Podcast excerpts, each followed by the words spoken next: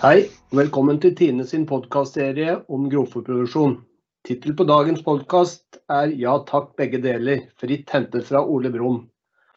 Bakgrunnen for denne tittelen er at høyt grovfòropptak og høy grovfòrutnyttelse krever grovfòr med god kvalitet.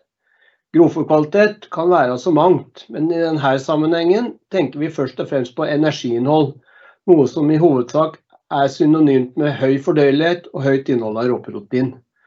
Det betyr at vi høster gresset med en fordelighet av organisk stoff mellom 78 til 80% noe som tilsvarer en NEL 20-verdi på 6,4 til 6,8 megajoule per kilo tørrstoff, og et råproteininnhold på 16 til 17% Jeg heter Harald Volden og skal lede dere gjennom denne podkasten. Pga. covid-19-situasjonen har vi vært nødt til å spille inn via Teams, og det har nok gitt litt varierende lydkvalitet. Men jeg håper at dere likevel får med dere det meste. Flere forsøk har vist at det er vanskelig å få til samtidig både høy avling og et høyt energiinnhold i grovfòret. Fremskynding av høstinga med ei uke fra rundt begynnende skyting, og da tenker vi nok først og fremst på ei timoteibasert eng, til ei uke før kan gi ca. 20% lavere avling. Vi har derfor stilt oss det grunnleggende spørsmålet må det være slik, eller er det mulig å få til både avlinger og høyt energi- og proteininnhold. Hva er erfaringene fra praksis? Nå er det nok slik at uh, de her problemstillingene og mulighetene er noe geografisk betinga. For å belyse temaet starter vi først på Jæren, og her har vi fått med oss to melkeprodusenter, Jørn Viste og, og Tor Torland. Både Jørn og Tor kjører et fireslått system og oppnår avlinger på 1300-1400 kg tørrstoff per dekar og et energiinnhold på over 6,4 megajoule per kilo tørrstoff. Jørn, vi starter med deg først. Kan ikke du gi lytterne en eh, beskrivelse av hvordan dere driver eh, grovfòrproduksjon, og hva slags strategi dere legger opp til? Ja, vi, vi driver en gard på Nærbø. Det er på Flåtjæren. Og Der har vi ca. 125 mål med dyrka jord. Og så har vi en annen gard oppe i Gjesdal, som er mer ei indrebygd her i Rogaland. Uh, og Der ligger vi på 120-140 meter over havet med den dyrka jorda, mens her på Nærbø så ligger vi på 25 meter over havet. Eh, vi ønsker å produsere så mye fôr som mulig for å spare kostnader. og Der er innkjøpt kraftfôr den største variable kostnaden vi har. Det utgjør, til tross for at vi prøver å produsere så godt grovfôr som mulig, over 50% av variable kostnadene er kraftfôr. Nå er det sønnen min Bjarte som er sjef. Han er forpakter, og jeg jobber for han da. Men vi jobber på gården begge to. Og vi har en kvote på 265 000 og molker det på godt uh, eh, 30 kyr. Og så er vi likt sau og, og kvike da, som går på kulturbeite om sommeren. Her på Nærbø så har vi ei jord som er veldig grei å pløye, men det er noe som er nydyrka, det er en del stein i. Så vi har prøvd å ha et vekstskifte som går på at vi har ett år med kodden enten som hælsæd eller kodden til modning. Max Sammon behandla koddene siste år. Eh, enga den lar vi ligge i to til tre år. Tidligere var det mye rein flerårig reigås vi sådde, men pga. en hard vinter så syns jeg det er litt større sikkerhet med å blande inn litt andre arter, som vi har både timotei og noe engsvingel, og vi prøver også med strandsvingel. Jeg liker også godt å ha litt kløver i i enga, for det gir større fôropptak. Oppe i Gjesdal der kan temperaturen dukke ned til sånn som i vinter, 19 kuldegrader. Og da skulle egentlig reigassa være litt, uh, litt sårbart. Men det har klart seg dette året òg. Og der bruker vi akkurat de samme grasblandingene sånn som her. Så det kan jo være at en hard vinter på en måte setter reigås litt tilbake, men da er de andre gressartene der, og så kommer reigåsa litt mer etter hvert. da. Her på Nærbø tar vi fire slåtter og beiter litt med sau etterpå. Og i Gjesdal der tar vi tre slåtter og beiter med kvige og med sau. Ja, nå har vi hørt hvordan eh, han gjør når han Bjarte driver sin eh, grovfòrproduksjon. Og nå er vi spent på hvordan er det du driver din, Tor? Ja, jeg eh, driver jo eh, med 320 000 i kvote. og så Nå ble det jo litt mer i år, da. Så har vi jeg har 135 mål her hjemme hos meg sjøl, og så har jeg jo samdrift med en litt lenger oppe i bygda. Og der har vi 105 mål dyrka. Så jeg, jeg driver i grunnen 240 mål. Og strategien min det er jo, det er jo å fornye enga hver tredje år. Så jeg har ett et år med med kodden til modning. Og jeg har jo prøvd heilsæd og litt forskjellig, men uh, det er problem med fuglene, syns jeg. Så i fjor hadde jeg uh, kodden til modning da. Og så har jeg gjenlegg med reigras. Jeg har hatt rent reigras. Og så, så jeg slår enga Så jeg tok en slått etterpå på reigraset, da. Etter jeg hadde cotton. Og så første starten den tar vi gjerne prøver å ha den i slutten på, i, slutten på mai. Og så har jeg en uh, ny slått i rundt sankthans. Og så, så, så jeg gjør på fire slåtter igjen. Fem slott. Jeg hadde fem slåtter for et år og to siden. Men jeg føler det, har vært litt for det har vært litt for lite av det gjennom høsten, så vi prøver å prøver vi bare fire slåtter. Så jeg, sånn, en, eh, så jeg kjører en strategi på at jeg kjører fornying på hver, Jeg kjører to år med og så jeg cotton på Så i år ble det 70 mål, og i fjor var det 50 mål, så ble det litt for å komme inn i systemet, da. Så jeg, jeg har et stykke borte 20 mål, så jeg er litt høyere, til ligger 100 meter over havet. Det, der, eh, det bare så jeg i nytt, sånn at, for har jeg ikke cotton. Mm. Jeg prøver jo å få en forurensningsstasjon på rundt 0,90 eller vel 0,90 da.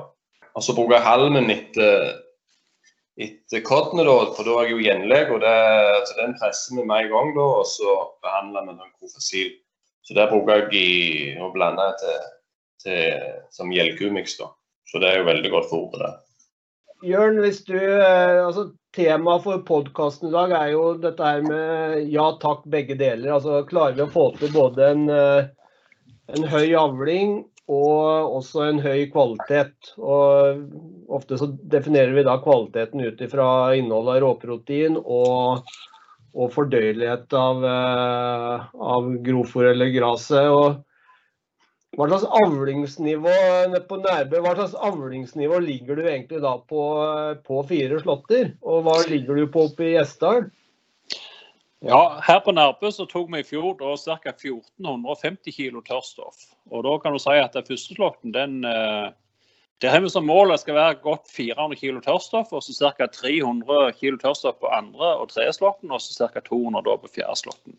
Det som er litt viktig for å få utnyttet den lange hausten som er herrene, det er at vi får tatt på den treslåtten så tidlig i august at vi får en del eh, grønn masse som gjør at, um, at gresset har nok eh, grønn masse til å drive fotosyntese utover hausten. Hvis du tar treslåtten her på Nærbø i slutten av august, så er det for lite grønn masse på en effektiv nok eh, uh, fotosyntese til å få noen mengde. Så da lå vi tidligere på på 100 kg med tørrstoff, mens nå tipper vi fort 200 kg tørrstoff. Men jeg ønsker ikke å ha for mye eh, gras på den siste slåtten, for da er det alltid vanskeligere å tørke. Eh, oppe i Gjesdal der var bestillingen for sauehuset tidligere at uh, det skulle være et fôr som de ikke skulle bli feid av hvis de skulle bli mette av. Og det var en mye vare i eng. Men eh, 2017, når det var så blaut, da var det veldig sånn skuffende. Men når, vi kom ikke fram på den jorda der. Det var så mye humus i overflaten som tetta jorda. Så det var ikke bare grøftetilstanden som var ring, men det var òg uh, humusinnholdet på toppen som var så, var så høy. Og det var en eng som var både 40 og 50 år gammel. Så målet de siste åra har vært også å få den jorda der òg med i et regelmessig vekstskifte. Og da tenker jeg gjerne det er realistisk der oppe å ha enga i tre-fire år, og så ha et gjenleggsår med, med korn som dekkvekst. Og Grunnen til at vi tar med korn, det er at uh, det gir noe mer mengde enn bare rent gjenlegg. Jeg har prøvd å regne en gang på eh, hvor ofte du kan fornye enga. og Det kommer da litt an på hvor mye avling du klarer å få i det der gjenleggsåret. Hvis du i korn til modning eller til helsæd klarer å få nesten ja, oppi 1000 kg med tørrstoff, så kan du gå ned i, i uh, intervall der på ca. to år med eng. Og Flyro Reigos det klarer seg ganske rett den første vinteren. Og du er, ganske, du har litt lavere avling da på, på andreslåtten. Si at det første året er 100% så er det gjerne 90 på, på andre året. Mens du kommer på treåret, så er du ned igjen på 75% avling.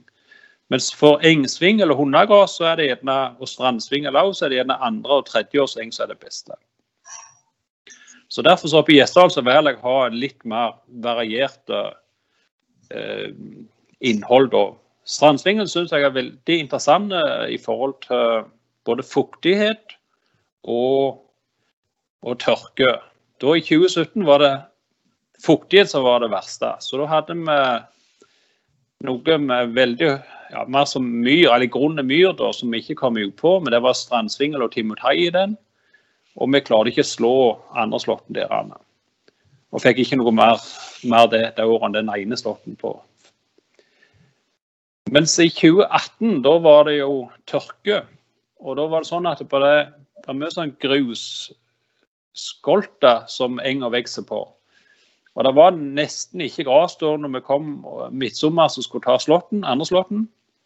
Og det var sånn at Vi kjørte med, med slåmaskin og vi rakte samtidig. Og det var ikke alltid jeg så hvor jeg hadde rakt henne. Men jeg kom ut på den myra der som hadde strandsvingel, så hadde den så dype rød at den vokste ned i leiren og i fuktigheten som var under der. Så Derfor så, så liker jeg godt å ha litt varierte vekster der oppe. da. Og så er det der å for, fornye den enga der. der så får pløye ned det øvre humuslaget som er med titte, og så blande inn litt grus under. Det er positivt. Og gjerne, Hvis vi da tenker fotosyntese, så er det jo en, en motsatt fotosyntese når vi bryter ned disse målstoffene. Da frigjør vi jo CO2, men vi frigjør også nitrogen. Og Det er jo derfor en med rugbeite kan gjerne hause opp en 15-20 kg med nitrogen uten at en eh, til, tilfører noe. For når vi dyrker gress og tilfører husdyrlort, så binder vi jo eksempelvis 100 kg med karbon, og vi binder også 10 kg med nitrogen og 1 kg med svovel. Og Det blir som en bank i jorda som vi da av og til kan hoste. Så hvis vi vil ha høy nitrogenutnyttelse, så er det det å gjerne pløye og lufte jorda litt, som gjør at vi frigjør det. Men noen syns jo det er negativt at vi slipper ut CO2. Men når jeg kjører på ei myrjord, så er det der det er maks avling. Så den CO2-en som kommer gradvis over jorda, den er gresset i stand til å fange opp, er min tese. Mm. Et lite spørsmål, Jørn. Du nevner dette med, med strandsvingel, og det har jo eh, vært litt diskusjon om det i forhold til fòrkvalitet og sånne ting. Har du noe inntrykk eh, hvordan den strandsvingelen er i forhold til fòrverdi?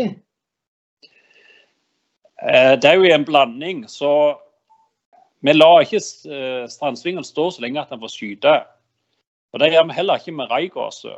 Det det som var litt vanskelig når du skal ta det ved begynnende skyting, det er at du går ut og kikker oi, nå er det begynnende skyting. Og Så skal du gå og kikke på værmeldinger, og da er det plutselig må du vente ei uke, og så blir det for seint. Det som jeg har gjort de siste årene, er at jeg bruker den samme grasmåleren som vi bruker på beite. Det er mest som et spannalog med et metermål i. Når vi da på første førstelåten er 35-40 cm, da går vi hjem og ser når er det første anledningen vi kan slå gresset. Og da, Hvis det da blir fint vær og sol, så er det begynnende skyting. Men vi bruker også den samme gressmåleren vi skal ta andre, og tredje og fjerde slåtten. Men da kan du aldri få den samme høyden som det der. Så da ser jeg at det er en 20-25 cm, og så er det ved første anledning det er godt vær, så slår vi.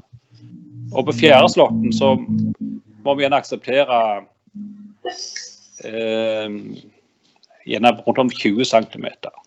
Tor, eh, hva er bakgrunnen for at eh, det går såpass ensidig på, på raigras som, eh, som grasart?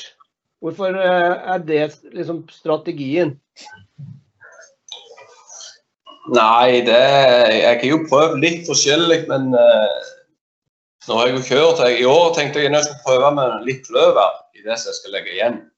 Men jeg vet ikke. Men det ble rent. Det ble jo, det jo 90% reigras og 10 kløver. Mm. Men jeg har ikke bestemt meg ennå. Men uh, vi har i grunnen kjørt reigras i alle år, og det, det tårer mye slåing der. Jeg er redd den der uh, timoteien dauer ut hvis du slår den for mye. Jeg var produksjonsrådgiver i Tine da jeg var ung. Altså det vil si på slutten av 80-tallet, begynnelsen av 90-tallet. Og det som jeg, Da var det noen her på Jæren som sådde ren flerårreigras, eller sådde engblanding med reigras. Men så var det noen som bare sådde timotei og engsvingel.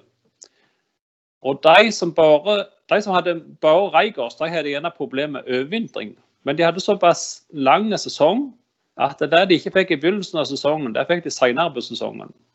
Mens de hadde rent timotei engsvingel, hvis det ble noe, noe klatt med noe tørke enten på våren eller på forsommeren, så klarte ikke det timoteien og Engsvingel hente inn igjen dette på hausen når fuktigheten kom. Vi har forskjellige risikofaktorer. og Det ene er overvintring, det andre er tørke om sommeren. Eller det kan òg være for mye fuktighet. Så syns jeg i hvert fall her på Jæren at det er Reigård som har så mange føremoner i forhold til å sikre en stabil eh, avling gjennom året. Det er ikke alltid at du har så mye på høstflåten, det er ikke alltid du har så mye gjennom midt på sommeren. Men, eh, men det, det, virker som det har et visst potensial, så da, da, får du litt mer på en annen slått i plassen.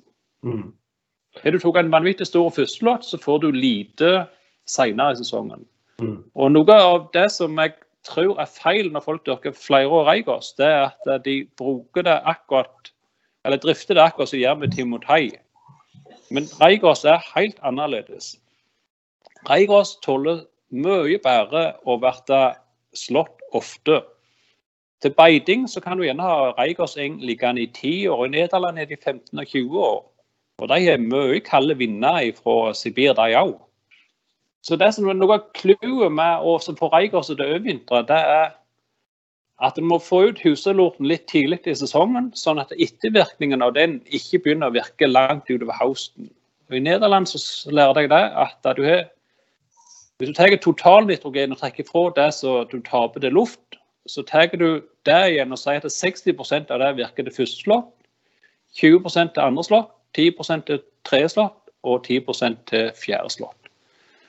Og de har vel omtrent i samme intervaller som det som meg og Tor har, at vi har fire-fem uker imellom intervaller. Mm. Og Da tror jeg vi kan bruke den der malen der. Så det er selvfølgelig husdyrlorten litt tidlig sikre at det ikke er for mye nitrogen som virker litt seint i sesongen. Mm. Men så er det også, hvis du da har veldig målrik jord, så vil også reigås gjerne ha litt for mye nitrogen som det kan vokse litt for mye av hausen, og så kveles det. Men det må ikke bli for kort, og det må heller ikke bli for langt. her på Særøy så sier de det at uh, i ni av ti vintre så er det en fordel at det er litt, litt lengde på det. Men ikke så mye at det legger seg. Og den tiende vinteren da svarer seg at det er kort. Så mitt mål er at reigården skal være omtrent som en plen om høsten. Gjerne ca. 10 cm langt. Det er jo litt hvordan høsten blir. Altså, vi slår jo da i månedsskiftet uh, september-oktober. Så kan si, gjerne litt i oktober, men det er klart, får du, uh, får du to dager med frost da, uh, i, i, midten av oktober, så er det klart at da ser du tilbake veldig. Ja, og det, og det har vi jo sett. Jeg husker det var nabo som var uheldig med det. Vanvittig fin Men det var hybridreiger, så den tåler enda litt mindre. Vanvittig fin mengde da på fjærslåtten. Og så slo han når det var godt vær. Men da får du gjerne ei frostnatt, og det skjedde da. Og da var det spindout. Mm. Tidligere når vi hosta italiensk reigras til kyrne som fersk gras, så kjørte vi en runde rundt stykket hver dag. Når du da så det neste vår, da var jo utover oktober til november, så var det ikke noe sånn klart at det var seint eller tidlig som var det rette. Men det kunne være noen dager der du så at det var kvitt. Men det tror jeg det var de dagene vi hadde frost om morgenen. Så hvis du da skal ta den der fjerdeslåtten, så er det viktig å vente til Det er akkurat den siste dagen det er fint vær, og så slår det da. Men det må ikke være frossen når du slår det. Og det som vi gjør med fjærslåtten, det er at vi slår den bare tidlig på morgenen. Bjarte starter gjerne klokka syv om morgenen, og så prøver vi å være ferdig klokka ti. Og så rager vi det sammen på ettermiddagen i to-tre-tida, og så presser vi det samme kvelden. Da fikk vi dette året 26% tørrstoff, og i 2019 hadde vi 30% tørrstoff. Og Da ligger det bare i streng, da, i motsetning til at de andre slåttene da breisprayer. Mm. Mm. Eh, Tor, eh, du og faren din var jo veldig tidlig ute med dette med, med breispraying. Og eh, det var vel ikke alle som hadde like stor trua på dette her som det dere hadde. Hva slags eh, gevinst opplever du at dere får nå ved at eh, dere er så systematiske og, og bruker det som en eh, et viktig del av si, høstestrategien. Det er, jo, det er jo å få tørka det fort ned. og det er klart, Når vi slår reigresset eh, tidlig, så krever det mer tørke. Og si, Skal du få god kvalitet, så må det være eh, så må du ha det tørre gresset. Likevel så får du det vært litt sånn kleise hvis du ikke får det tørka. Eh, meg og Jørn snakket litt om at si, i, i, Holland der, der, snur de mange ganger i det. og Det, det er grunn til å få minst mulig timer til det ånde. Så, si, eh, så vi skulle gjerne vært enda flinkere der. Nå, nå spraysprayer vi jo med slåmaskin, så det, det gjorde vi jo ikke før. Så, så, det er jo ikke alltid jeg sprayer den gang, sånn sett. Mm. Eh. Men eh, fra du slår til du raker det sammen? Hvor, eh, altså, omtrent hvor mange timer går det? Det er sikkert forskjell på om det er på første slått eller om det er på en treerslått, men omtrent hvor mange timer? Ja, det, det, har ikke noe med slått, det har med vær å gjøre. Mm. Men eh, det må ha minimum ett døgn. Mm. mm. Men eh, vanligvis er det nok to døgn. Men det beste er hvis du får tørka det i løpet av ett døgn. 24 mm. timer. Sånn som i fjor, eh, når vi tok førsteslåtten, da var det jo det skulle bare ligge ett døgn. Men eh, det var så lav temperatur at det ble ikke noe tørking av det. Og det var jo Sola stakk litt fram, men det, det var litt for mye skyer. Så da lå det to døgn. Men da var det en veldig god uh, tørk. Så når vi da presste førsteslåtten, så var vi jo faktisk oppe i 198 gram med sukker per kilo tørrstoff. For Det er jo liksom mitt oppfølgingsspørsmål da, når det ligger så lenge. altså klart, eh, Raigraset har jo utgangspunktet et høyt sukkerinnhold sammenlignet med en del av de andre grasartene. Men når det liksom begynner å bli en tørketid på eh, over et døgn og to døgn, så ville nok jeg forvente at du ville få en såpass stor nedgang i, i sukker. Men det dere sier at det får dere egentlig ikke. Men er det da pga. at eh, når det må ligge i to døgn, så er eh, værforholdene deretter og kanskje ikke så, så, varmt, og aktiviteten i planten går rett og slett ned, sånn at eh, du får ikke det sukkerforbruket. da. Er det noe av forklaringa, tror du? Det tror, det tror jeg nok. Det, du kan si, det blir jo akkurat som du har det i kjøleskapet kjøleskap når det er kaldt. Så, så, så, så heller det seg jo mye bedre. Si, vi vil jo ha det ned, jeg vil jo ha det ned ca. 35 tørster. Det er det som er mest ideelt for meg. Eh, og da er det jo hvor lenge du skal ha det her. Men se, vi klarer ikke alltid styre været. så dette, mm. men, men, men, det med slå, slåttetidspunkt òg, at du må være på hogget. Jeg sier det er bedre å slå det tre dager tidlig eller tre dager seint. Mm. Om våren si, da, da, De første slottene, òg, det er jo eh, er du tre dager før, i plass for tre dager etterpå, så har du ei uke med en gang. Så, så du er egentlig for sein, så, så, så, så, du taper om hausten når du tar den siste gangen. Mm. Men eh, ja. Men jeg ligger jo på 1100-1200 foren her i snitt ca. Mm. Mm.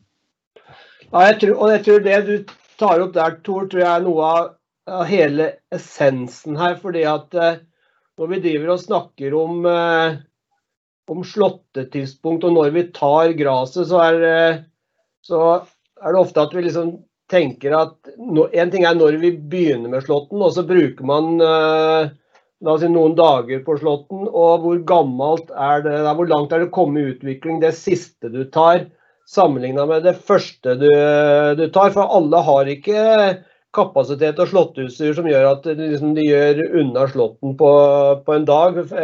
Mange av de fleste bruker flere dager, og da tror jeg akkurat det som du sier, altså, man må være så på hugget og ta det heller noen dager før eller noen dager etter, fordi at eh, utviklinga i gresset går så enormt fort rundt det tidspunktet rundt eh, skyting, sånn at bare to-tre dager eh, forskjell i utviklingsstadiet er jo fort eh, 10-15 eh, effekt på både fordøyelighet og energiinnhold. Så jeg tror jo det at nettopp det du sier der, det er om å gjøre å ha en plan på den måten at når finværet ser ut til å komme, eller det blir oppholdsvær, og det begynner å nærme seg en slags form for skyting, så må man bare ta det.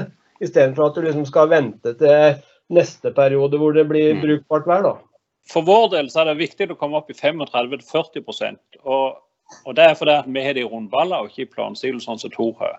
Mm. Og det som jeg Tidligere, når vi da stoppet igjen på 30 tørrstoff, da hadde vi alltid høyere ammoniakk, så vi fikk jo en dårligere eh, proteinkvalitet i dette fôret.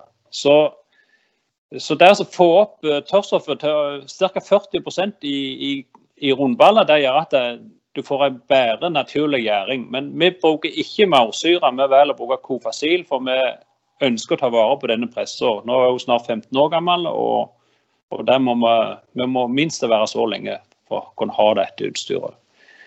Eh, vi har ikke kapasitet nok med den biopressen vår til å presse 220 mål på en dag. Og Siden det er litt avstand, så velger vi å ha litt forskjellige strategier. Eh, men i utgangspunktet er det omtrent samme fòrkvaliteten på begge gårdene. Men hvis jeg hadde hatt alt samla, og vi har første, andre, tredje og fjerde årseng, så ville jeg prioritert og tatt første og andre årseng først, for det er der vi har størst avlingsmengde.